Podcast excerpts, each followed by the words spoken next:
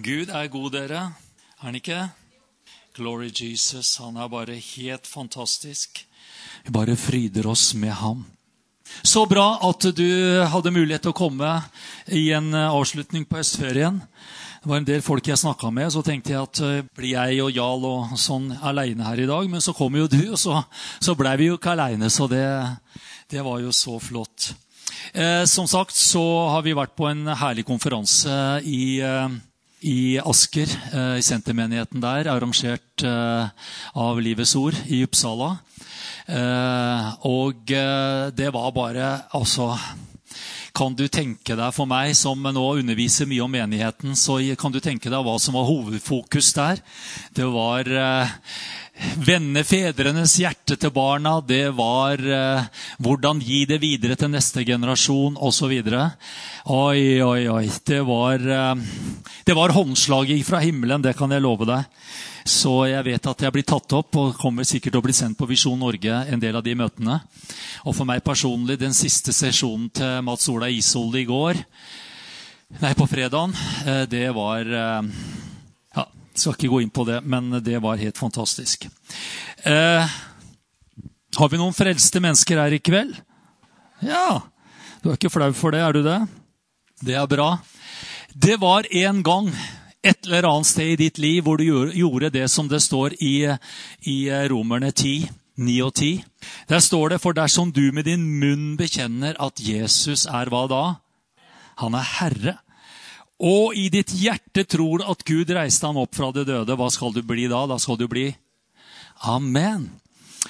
Det som er veldig sterkt her, og som eh, altså Egentlig har jeg en veldig alvorlig, men frigjørende preken til deg i kveld.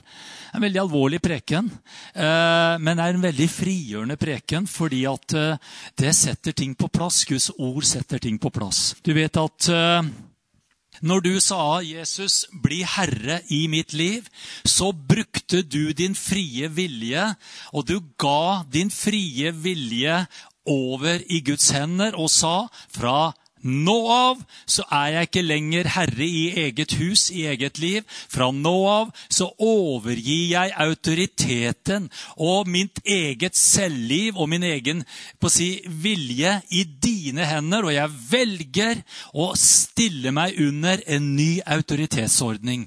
Jeg går vekk ifra at jeg er sjef i eget liv, og så sier jeg, Herre, fra i dag så velger jeg å gjøre deg til den høyeste høyestes vilje i mitt liv. Så du vet, det er ikke bare et munnhell hvis folk bare sier jeg bare bekjenner Jesus som herre og bla, bla, bla. Nei, vet du hva? Det er en veldig hva skal jeg si, det er, en, det er, en, livsavgjørelse som skjer der. Ved tro så overlater du viljelivet ditt over i Guds hender. Og du har bestemt deg for at du ikke lenger vil leve ditt eget liv, men du har en tro på at Gud har det beste livet for deg. Du stoler ikke lenger på deg selv, men du har valgt å stole på Gud av hele ditt hjerte. Det er det det innebærer bl.a. å gjøre Jesus som herre. Så det er en ganske hva skal vi si, det er en ganske eh, livsforandrende og forvandlende situasjon. Eh, og det får konsekvenser, dere. Det får store konsekvenser at du ikke lenger er sjef i eget liv. Men Gud ga deg en fri vilje. Han trengte seg ikke på, men han ga deg muligheten av din egen fri vilje å si, Gud, fra denne dagen av så tilhører jeg deg, og jeg kommer inn under din autoritet. Amen. Så ja, Vi slipper ikke dette med menighet, skjønner du, så nå skal vi snakke menighet. Og dette er alvorlige saker. Og nå skal vi gå til Apostlenes gjerninger 247. Eh, og der står det i dette verset det er, et, det er et veldig viktig og et veldig alvorlig vers for meg, og jeg håper det skal bli det for deg. For der står det hele tiden lovet til Gud. Det var liksom denne menigheten som akkurat nå hadde blitt født ved Den hellige ånd. Og de hadde en pangstart der. Hele tiden lovet de Gud og hadde velvilje hos hele folket.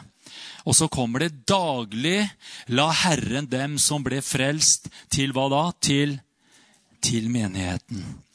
Og så tenker jeg, legg merke til at det står daglig La Hermansen, Hansen og Olsen eh, og prøvde å finne ut hvilken menighet som de hadde lyst til å gå i. Nei, det står hver dag la Herren Herren la til den som ble frelst, til menigheten. Hva er det det sier meg og deg? Jo, det er at Gud har en helt unik, konkret, spesifikk plan for deg og meg, hvor han ønsker å legge oss til en menighet, sin menighet. En lokal menighet. Nå skal jeg ikke undervise om den universale menigheten. Den elsker vi alle brødre og søstre som vi har rundt i hele verden. Men Gud skapte og fødte den lokale menigheten, og han la mennesker til den menigheten. Det vil si at når Gud fødte startet Troens Liv Bibelsenter, så var det noe at han skapte i noen menneskers hjerte noe ned her som ble nedfelt her, som gjorde at de kobla på og la seg til denne menigheten. Og da tenker jeg det er et overnaturlig verk ved Den hellige ånd. Og jeg må bare si en ting, og det er at jeg ønsker ikke at noen som er medlem av denne menigheten, har blitt det bare fordi at jeg vil. Eller det er bare sånn at jeg uh, syns det er en god tradisjon, eller det er, uh, ja, det er kortest vei fra der jeg bor. ja, ja, nå ligger vi liksom litt ute i Anna ødemarken, men uh, med noen så er dette også den korteste veien. Det skal ikke være noen av de premissene der. Eller for at her er det så mange hyggelige mennesker, eller det er så pent her, eller det er liksom eh, et eller annet som tiltrekker deg. Det er noe helt guddommelig unikt som Gud har født inn i hver eneste en av dere som er medlem. Er du ikke medlem av menigheten her, så er det veldig viktig preken for deg som også er med i den menigheten der du er. Og vet du hva? Noen ganger så er det viktig og bra å sette seg ned og tenke er jeg på rett plass. Er jeg i rett menighet? Er jeg der hvor Gud ønsker at jeg skal være? Og der er det frihet, skjønner du. Og jeg vil bare si, La ikke noe menneske, noen tradisjoner, eh, noen bånd som ikke Gud har lagt der, la ikke noen ting holde deg tilbake fra å være på feil plass til feil tid. For Gud er det veldig viktig at du og jeg er på rett plass i den rette menigheten. Og da snakker jeg ikke at eh, denne menigheten er rett og alle andre er feil. Nei, men for noen mennesker så har Gud lagt dette i deres hjerte, sånn at de har lagt seg til på Guds premisser til Troens Liv Bibelsenter. For det er Guds plan og Guds vilje for det mennesket. Og er du inne i en annen menighet, så er min bønn at du har lagt til den menigheten fordi Gud har lagt ditt hjerte inn der. Skjønner du? Det er frihet. Og dette er noe som er eh, Dette ligger meg lett og tungt på hjertet. Så jeg, mitt hjerte, og jeg tror menighetens hjerte her, også er at vi ikke er en menighet som med alle midler forsøker å kapre og få medlemmer. Hvis det er noen som er veldig påtrengende på deg, og du føler at du blir mast på halvveis manipulert eller trua eller eh, et eller annet lurt inn i tro, Liv Bibelsenter, kom til meg med en gang. Skal jeg ta det med en gang? For her skal ingen bli manipulert, lurt eller trua eller noe som helst. Vi skal bare ha de menneskene som Gud har lagt til denne menigheten alt annet. Uansett om du har tre milliarder kroner på kontoen som ikke du helt vet hva du skal bruke til.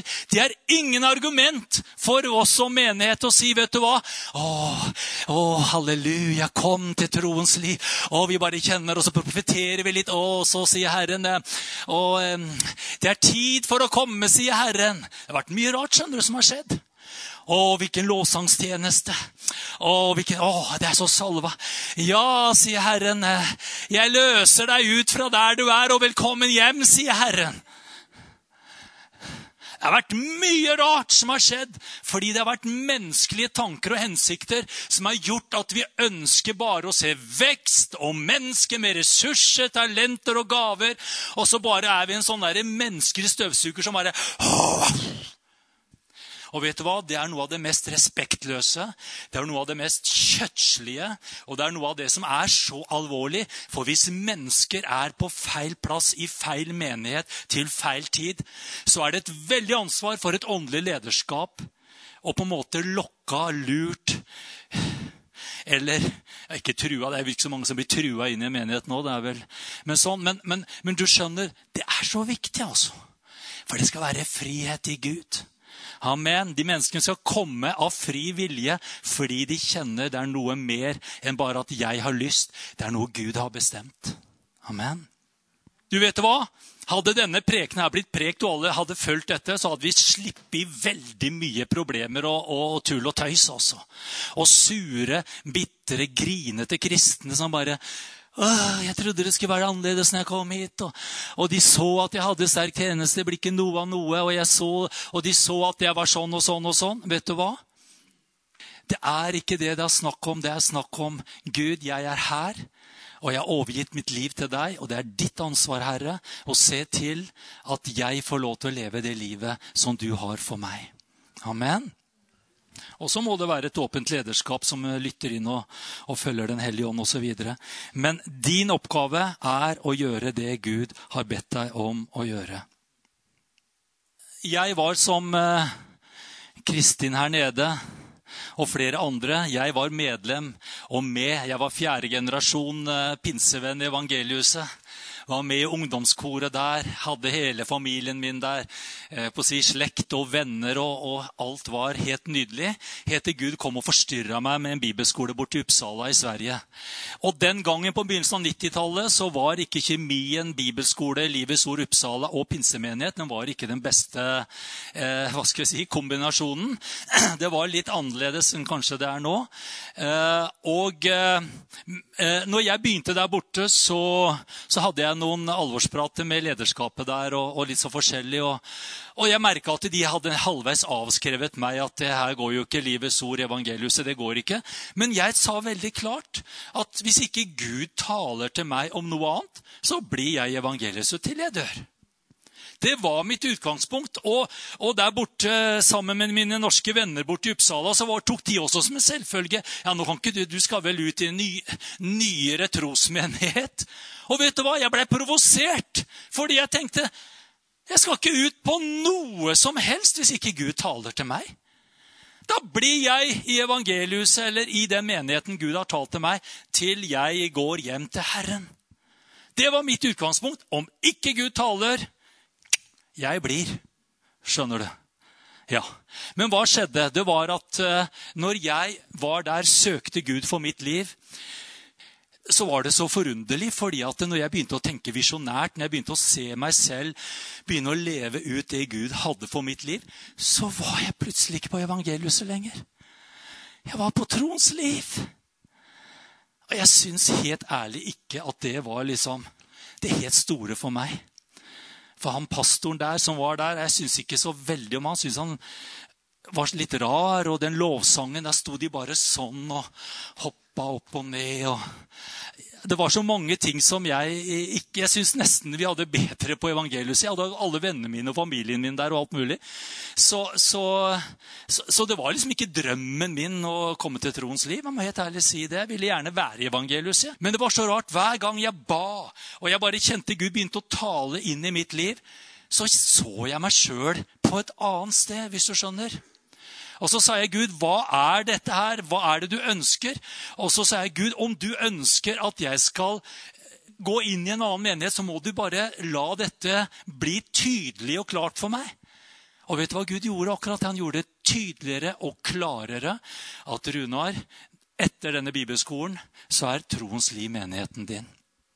Og da hadde jeg et argument med Gud. Men, men du vet, jeg har familien min der, jeg har vennene mine der, jeg har alt som jeg har alt. Og det var ganske tøft, altså. Men jeg husker eh, den dagen jeg hadde bestemt meg for, det var i januar 1992, så eh, hadde jeg en avtale med den vidunderlige, herlige Arne Eistein Rambekk, som jeg har så respekt for, og som jeg virkelig er så glad i eh, om å, å, ha et møte med han. og Da hadde jeg bestemt meg for å melde meg ut til evangeliet. Så jeg kjente Gud kobla mitt hjerte fra evangeliet. Det var helt spesielt. Men følelsene mine, lysten min, viljen min var evangeliet, hvis du skjønner. Det var der til og med den dagen jeg reiste ned der. Men så er det sånn at menighet for meg er veldig viktig. Så jeg tenker jeg klarer ikke å være en dag uten menighet. Så da var det sånn at jeg hadde avtalt med den daværende pastoren Arvid Fosse at samme dag hadde jeg avtale med han, så jeg kunne melde meg inn i en menighet. Jeg tenkte jeg vil ikke være én dag i mitt liv uten menighet. Sånn var det. Men så kom jeg ned der, og så har vi en veldig fin samtale. Han ba en en helt spesiell bønn over livet mitt. Det jeg husker best, det var han ba noe som jeg aldri har hørt han har bedt før eller siden. Han sa, 'Jeg ber om at Runar skal få gaven til å skille mellom ånder'. Og det tror jeg virkelig det er noe som altså Jeg bare husker når han ba det, så bare kjente oh, Det var noe som skjedde der, altså. Jeg tror ikke han hadde bestemt seg for eller tenkt å be ut det. Det var bare noe Den hellige ånd gav som en gave inn i mitt liv der og da. Men så var det så artig, men du vet alle følelsene rundt dette her, for det er mye følelser rundt menighet. Eh, som sagt, Jeg var fjerde generasjon eh, evangelihuset. Men det var så rart, jeg har sagt dette også før. Når den døra ut fra kontoret, eller når jeg gikk ut av selve bygningen, når den smalt igjen, så var det, så var det akkurat som Gud bare alle disse sjeliske, menneskelige ikke, Nå sier jeg ikke det som er positivt, altså vi har masse gode venner der og, og et godt hjerte til evangeliuset, men alt det som på en måte var som en lenke og bånd Det bare kopp, klipte Gud over. Han, jeg tenkte, Gud, hvorfor gjorde det ikke det før? Så jeg hadde sluppet og kjent på det. Men han gjorde det der og da, når jeg allerede hadde bestemt meg og tatt et steg i tro og lydighet. Så kutta han det, og så tenkte jeg, så så jeg meg tilbake og tenkte jeg, var det bare det? Var det bare det? Og det var en sånn frihet, altså. Oi, oi, oi. Så jeg er veldig takknemlig til Gud. Vet du hva? Det er Guds suverene plan og vilje som styrer og leder oss. Jeg har sagt det mange ganger. Det du kjemper for å få i egen kraft, må du kjempe i egen kraft for å beholde. Og er det noe jeg bestemte meg veldig tidlig for når jeg gikk inn som pastor, det er at jeg skal ikke kjempe for et eneste menneske som ikke er overbevist, og som Gud har gitt til denne menigheten, det gidder jeg ikke å bruke én karamell eh, kalori på. Det er bare sånn det er. Eh, for jeg vet at det jeg kjemper for å få, det må jeg bruke masse av egen kraft for å kunne beholde. Da må jeg, jeg på å si, bruke alle midler hvis, eh, hvis jeg nå hadde Å, Jarl, han er som en himmelsk potet. Kan brukes til absolutt alt. Han er bibellærer, administrasjon, regnskap. Han er snekker. Å, Jarl! Å, hvilken gave! Oi, oi, oi. Og Jarl, vet du hva? Jeg bare kjenner vi skal bruke mye tid sammen. La oss reise på hytteturer. Jeg bare må være mye sammen. Kom hjem på middag til meg, Jarl. Oi, oi, oi. Og så driver jeg på, og så, så mørner jeg Jarl. ikke sant? Å, han må komme inn i troens liv. Vi trenger det. Vi trenger alt det du har, Jarl. Å, jeg står på, vet du. Og jeg er stadig God morgen, Jarl. Ha en velsignet arbeidsdag i Jesu navn. Amen. Følger han ordentlig opp, vet du. Men vet du hva? Hvis han lar seg lokke lokke og på å si, og lure.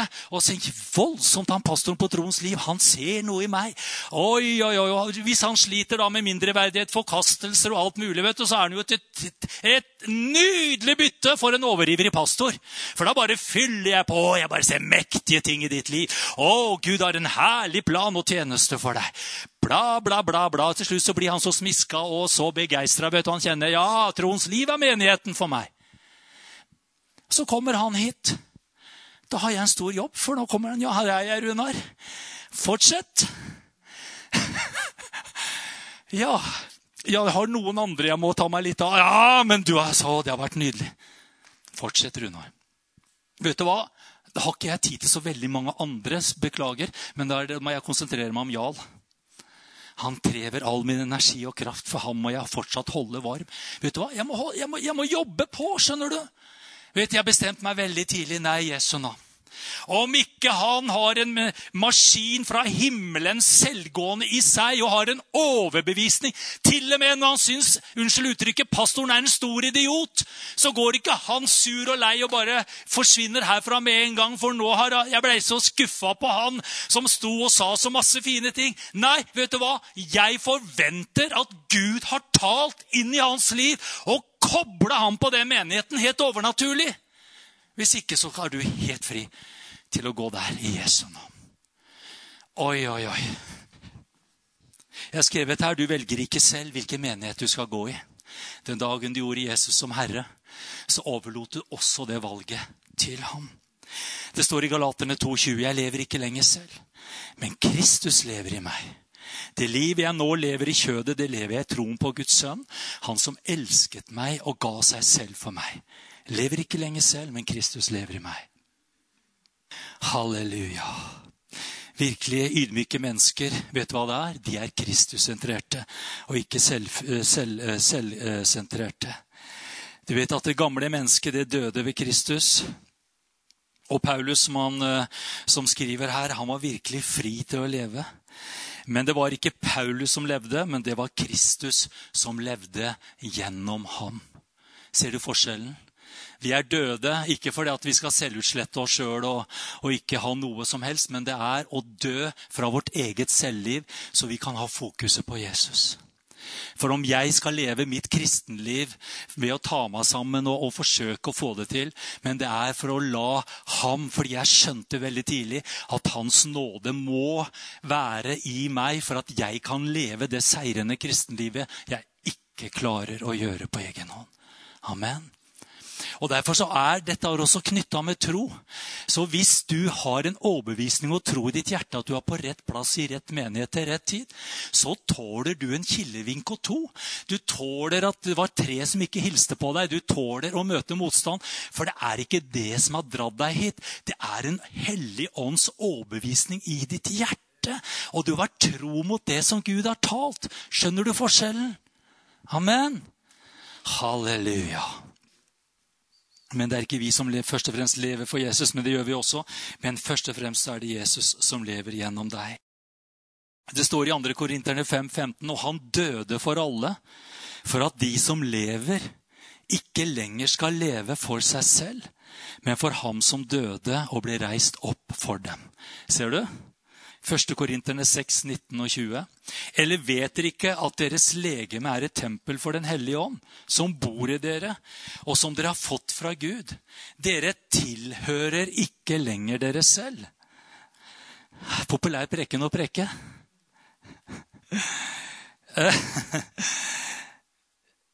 Dere er dyrt kjøpt. La da legemet være til ære for Gud et utrolig radikalt syn som eh, Paulus kommer med her. Til og med ikke våre kropper tilhører oss.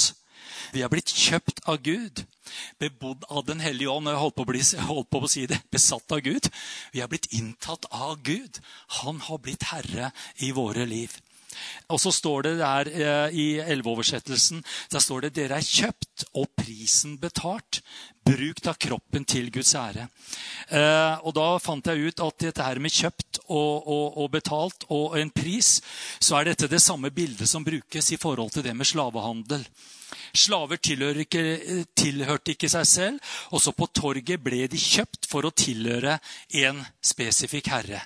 Vet du hva? Jesus har legalt kjøpt deg og meg med sitt eget dyrebare blod, som var prisen for ditt og mitt liv. Så han har kjøpt oss helt legalt. Og vi er blitt kjøpt fri fra syndens slaveri. Vi tilhører ikke lenger oss selv. Vi tilhører den levende Gud. Vi er sønner og døtre, og det er vi veldig opptatt av. Men samtidig så er vi også Guds eiendom. Vi er hans eiendomsfolk. Hva er det som gjør? Det er at Gud disponerer og forvalter våre liv slik han vil. Amen.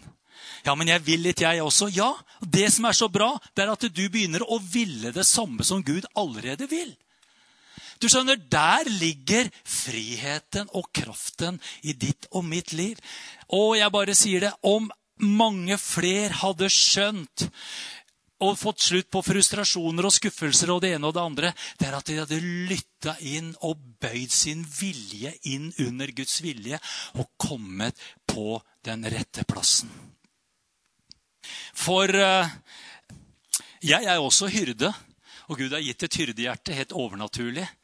Og jeg har også mottatt en del innmeldelser som jeg bare har latt ligge på pulten min i noen uker og kanskje noen måneder uten å ha levert inn som eh, Anita, nå som sitter og ordner innmeldelsene. Vet du hvorfor jeg har gjort det? For jeg bare kjenner jeg er ikke hyrden. og da tenker jeg at da lar vi den ligge og vente litt. Og vet du hva? Det er ikke få, ikke få, men det er en del ganger folk har kommet og sagt vet du hva, jeg tror vi melder oss ut av denne menigheten. Da kan jeg ha svart det går helt fint, for du har egentlig aldri vært innmeldt. og Samtidig vil jeg også si at jeg har møtt mennesker, og jeg har blitt mye mer frimodig med det på morgenen også, som kommer kanskje og ønsker å melde seg ut. Og så kjenner jeg i mitt hyrdehjerte vet du hva? Jeg kan ikke slippe deg så lett. Jeg sier du har en fri vilje, men jeg tror av hele mitt hjerte at dette er menigheten for deg. Vet du hva? Det, det kjenner det er en veldig frihet for. Fordi at jeg har bestemt meg allerede på forhånd at jeg vil ikke at noen mennesker skal være her mot Guds vilje. Jeg bare sier 'vær fri'. Og en annen ting er, jeg vil heller aldri stille meg over menneskers vilje, for det gjør heller ikke Gud. Selv om jeg skulle ha en mening om at det valget du gjør nå, det er ikke riktig. Jeg kan ta feil, jeg òg. Jeg er bare et menneske. Men da er det iallfall jeg den som har et ansvar å si 'Jeg tror at du skulle være her'. Skjønner du? Det er noe av det ansvaret som det er å være hyrde.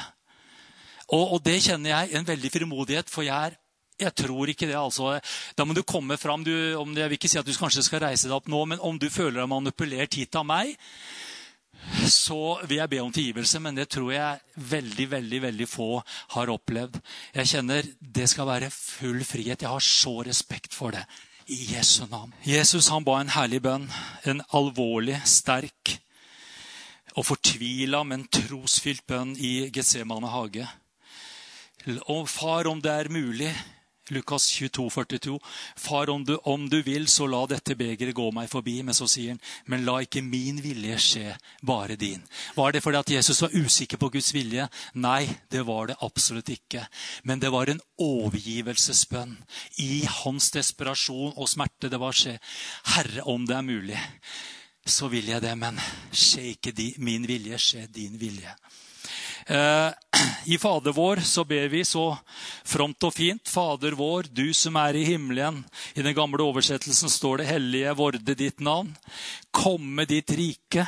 Halleluja. Så kommer det 'Skje din vilje' som i himmelen så på jorden. Vi kan også se 'Skje din vilje i himmelen så også i mitt liv'. Amen. Det er, jeg vil si, for meg også å, å, være på rett plass til rett tid med et rett hjerte er utrolig viktig.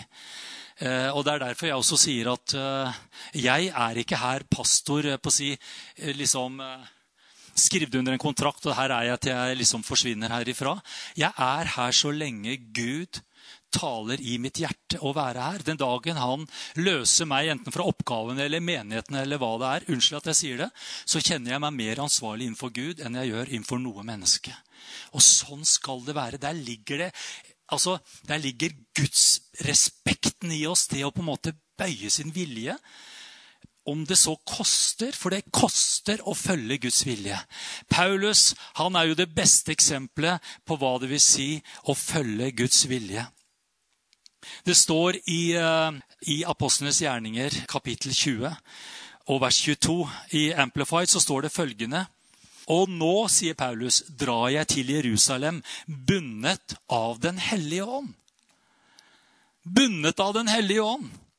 Og forpliktet og tvunget av min egen egen ånds overbevisning. Du skjønner, Det er det som skjer. Den hellige ånd kommer og taler, og så skjer det noe i ditt hjerte og i din ånd. Du blir overbevist om det samme som Gud allerede er overbevist om.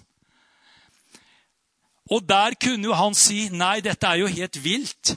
Bundet av Den hellige ånd.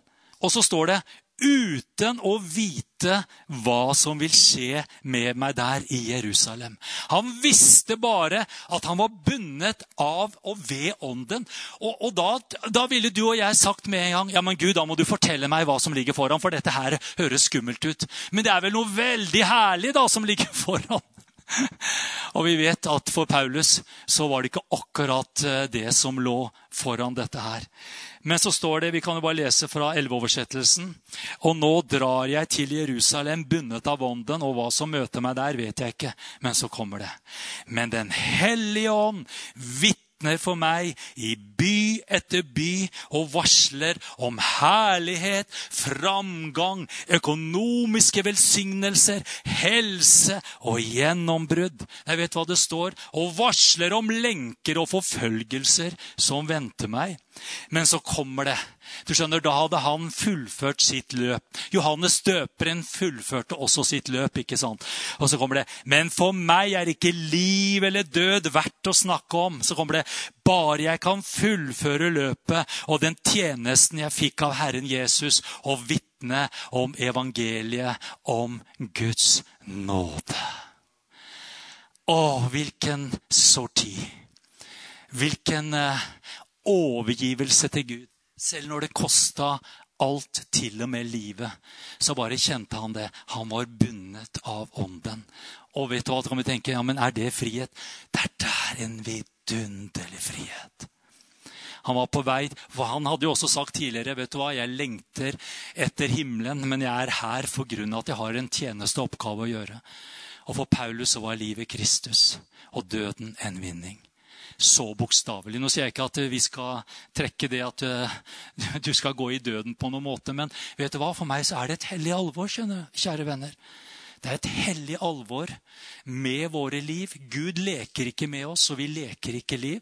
Det er et hellig alvor og en gudsfrykt som er vår drivkraft. Ikke fordi vi er blitt så, å, det er blitt så vanskelig, men du skjønner, der ligger vekker friheten og gleden til å leve i den trosfriskheten og avhengigheten av Gud.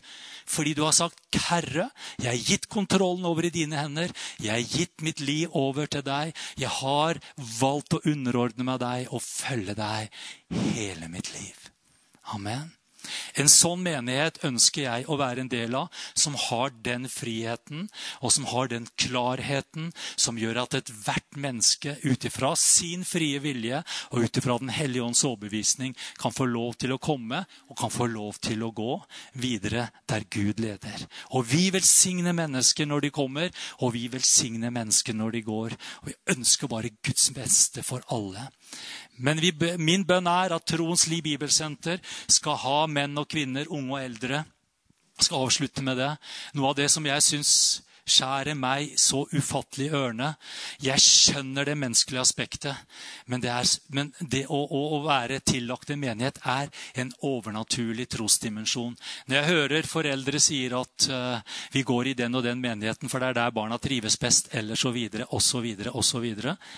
Uh, det jeg syns er et veldig ansvar, og det er en fravikelse av et ansvar å legge det på barna og la de bestemme hvilken menighet som en familie skal tilhøre og gå i. Jeg syns det er helt horribelt at det ansvaret legges på barn. Det må du som forelder ha en hellig overbevisning og en tro og en tillit til Gud. At vi er på rett plass, selv om eh, kanskje ikke barnearbeidet er det mest funklende, det beste og det mest briljante som er. Men vet du hva? Dette er stedet da overlater jeg det ansvaret til Gud. Jeg overlater mine barn i Guds hender. At han skal ta seg av dem i den menigheten som du har lagt oss til. Det er virkelig å overlate sin vilje og tro i Guds hender. Amen. Og Jeg kan kunne fortalt deg mange episoder om barn, nei, om familie, for nå kan jeg se litt i, i bakspeilet og i lyset av disse som, som eh, vandret av gårde fordi at barna skulle få det aller beste. Og Jeg har sett en del eksempler på at mange av de barna dessverre ikke går med Gud i dag og har fornekta troen osv. Jeg sier ikke at det vil skje, men alvoret i det, det er at du og jeg som troende, som voksne, ansvarlige mennesker, vi lytter inn Den hellige ånd. Og vi våger og velger å tro og gå på det som Gud allerede i sin barmhjertighet og nåde har bestemt. Amen. Dette var en herlig, alvorlig og veldig, veldig viktig preken. Amen. Vi sang en veldig flott og sterk sang på 90-tallet på Livets Ord. Og det var den herre jeg, vil gi mitt, jeg mitt liv på stridsfeltets høyder. Sånn radikal overgivelsessang. Elsker den sangen. Men Ikke men, men amen. Det gir konsekvenser og følger. Det gjør det. Oi, oi, oi, oi. Det er mange ganger vi kunne tenke en lettere vei, en smidigere vei, enklere Ja, du vet alt dette her. Men det å velge å gå Guds vei med våre liv, dere, det er der hvor vi lever tilfredsstilte liv. Selv når det er tøft, selv når motstanden er der, så bare kjenner vi jeg har ikke noe annet valg, Herre, enn din vilje og det du allerede har valgt for meg. Amen. Vet du hva? Jeg tror at da ville vi hatt menigheter som eh, som ville tålt en trøkk og to. Og denne menigheten her har tålt en trøkk og to og fire. Det var noen som valgte å stå igjennom dette trøkket fordi de var overbevist om at troens liv var menigheten for dem. I 96 blant annet, så hadde de 100 grunner og årsaker til å si bye bye love. Bye bye happiness. Ikke sant? Og så bare torna ut herifra. Men det var menn og kvinner som valgte å stå i trøkket, i stormen og i møtet der. Hvorfor det? For de, jo, de levde ikke lenger selv. Det livet, det, det livet, de da levde, det levde de i troen på ham som de hadde gitt hele sin autoritet over til. Amen. Sånt å inngi respekt. Og sånn gjør at Gud bygger karakter og gjør at mennesket får en stabilitet, en autoritet i eget liv. Hør med Henning Breivik når han valgte å gjøre det han gjorde. Han gikk, valgte å være under autoritet. Hvis du bare tenker nei, jeg vil bestemme min vei og min menighet, og alt mulig, vet du hva du gjør da? Om ikke det er Guds plan og vilje. Du går ut av en guddommelig autoritetsordning, og du bygger deg din egen. Alvorlig! Jeg smiler når jeg sier det, men det er veldig alvorlig. Om du ønsker å operere i Guds autoritet, se til at du er under autoritet. Der funker det! Og der vil troen flyte fordi du er på rett plass. Amen.